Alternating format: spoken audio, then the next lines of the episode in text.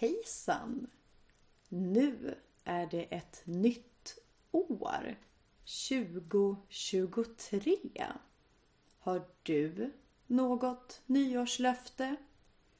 Det har inte jag. Men jag ska berätta om en väldigt rolig sak. Jag ska åka till Japan. Så det är jätteroligt.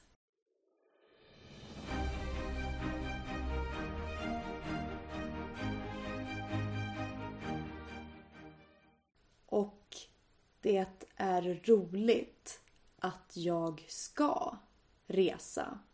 För min Japanresa har varit planerad i fyra år. För fyra år sedan pluggade jag på universitet. Och sen tog jag en paus och eh, tänkte att jag åker till Japan. Jag tar liksom ett sabbatsår och åker till Japan.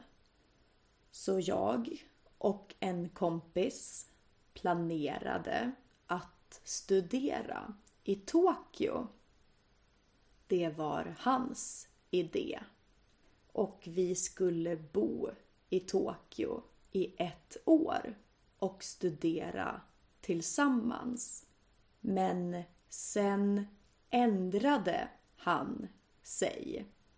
Han sa att Nej, Victoria, det här går inte. Och jag var liksom Nej, vad gör jag nu? Och då hade ju jag berättat för alla vänner och all min släkt att jag ska åka till Japan. Och jag ville resa till Japan. Så jag tänkte att ja, jag åker ändå. Jag åker utan den här kompisen. Sen väntade jag i ett år. Jag planerade att jobba och få lite mer pengar innan jag reser till Japan. Så jag gjorde det. Och sedan tog jag studielån från CSN.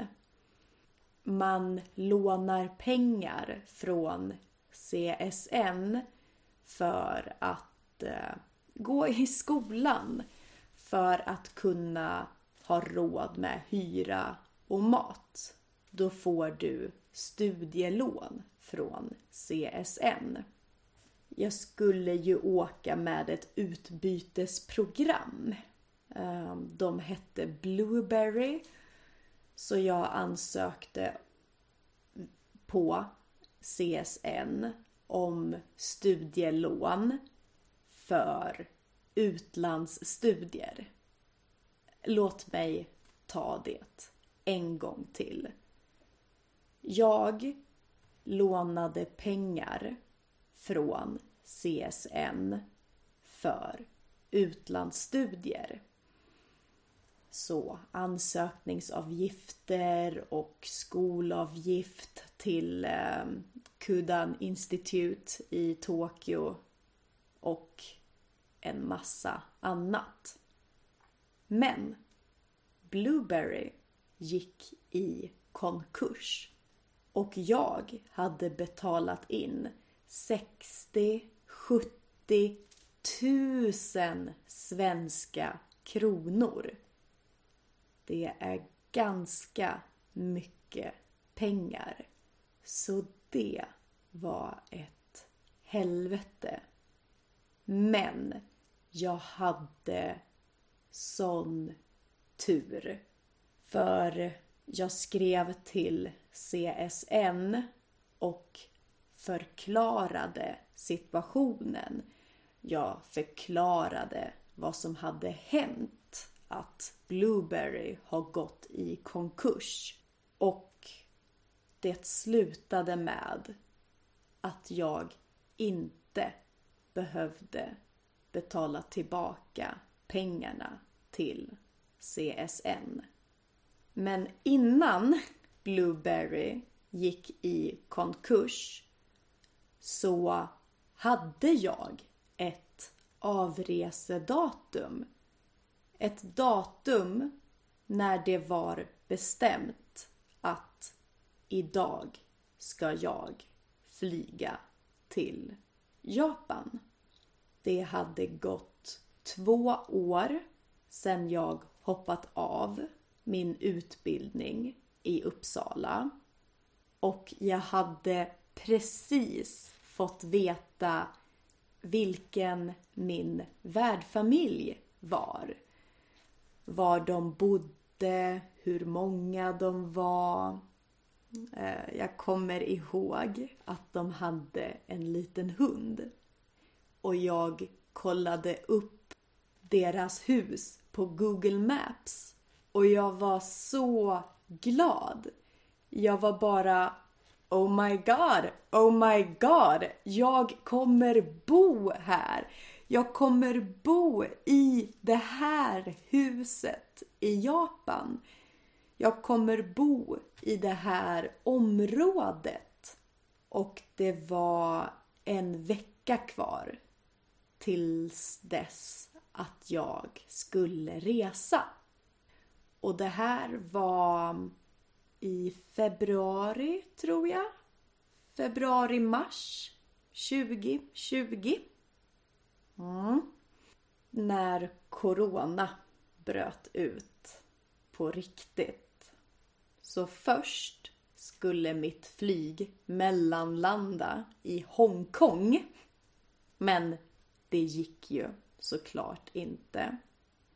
Och då ändrades mellanlandningen till Istanbul. Men den flygplatsen stängde också ner. Och det flyttades till ett annat land och den flygplatsen stängde också ner på grund av pandemin. Och jag satt där i början av mars och tänkte inte Japan, inte Japan, inte Japan. Men som sagt, en vecka innan jag skulle åka så stängde Japan gränserna. Allt var klart. Alla papper. Jag hade fixat pass, visumansökningar. Alltså, jag la ner tusentals kronor på en massa dokument helt i onödan. Jag hade fixat små presenter, omiyage, till min värdfamilj och så. Som jag skulle ge dem när jag kom till Japan. Och det hade varit planerat i två år att åka. Och sju dagar innan så stängde Japan gränserna. Och det har ju varit stängt sedan mars 2020. De öppnade upp nu jättenyligen i eh, oktober 2022. Så det har ju varit stängt i två och ett halvt år. Herregud i två och ett halvt år. Så jag har bara väntat på att få komma iväg.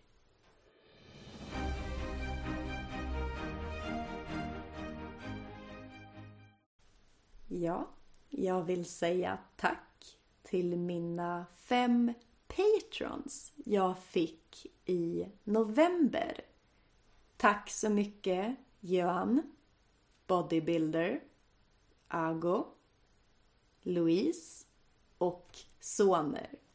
Tack så hemskt mycket.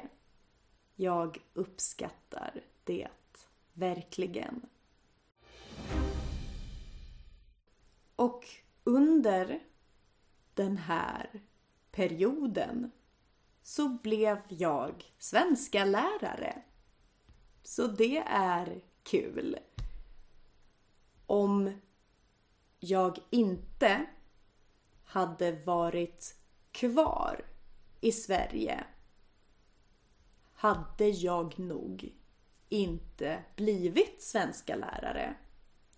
Så jag är glad att det blev som det blev. Men ja, nu sen några månader tillbaka så har Japan öppnat gränserna. Så i januari 2023, om bara några dagar faktiskt, så bär det av. Jag ska äntligen få komma iväg till Japan. Så jag hoppas att ni tycker om mina Japan-berättelser. För det kommer bli många berättelser om Japan i min podd. Och om du undrar om jag fortfarande kommer göra poddavsnitt under min tid i Japan så är svaret ja. Ja, jag kommer fortsätta göra poddavsnitt när jag är i Japan. Det är väl klart att ni ska få poddavsnitt även då.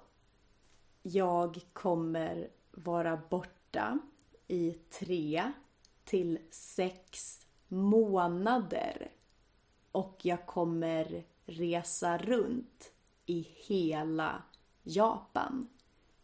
Från Hokkaido i norr, huvudstaden Tokyo, ända ner till ön Okinawa och allt däremellan. Så jag kommer hälsa på min gamla värdfamilj. Jag kommer träffa en kompis som jag inte har träffat på sex år. Vi kommer att ses i Tokyo och det kommer vara så coolt. Jag kommer gå på en snöfestival på Hokkaido och eh, jag kommer åka go-kart på Tokyos gator. Ah, ah. Förlåt, men jag blir så jävla glad av att tänka på det. Det kommer bli så himla kul. Jag har längtat efter att åka till Japan i fyra år. Planen var ju att studera i Japan. Men nu kommer jag att vara i Japan som turist och åka runt. Och det kommer bli mycket roligare. Och jag ser fram emot att få berätta berätta om mina äventyr i Japan och om alla coola saker jag sett och om allt roligt jag har gjort för er. Så jag ser fram emot att få berätta om allt det för er. Så jag har någonting fantastiskt kul planerat för 2023. Och jag hoppas att du också har något roligt planerat för det här året. Och det var första avsnittet för 2023. Hej då och vi hörs!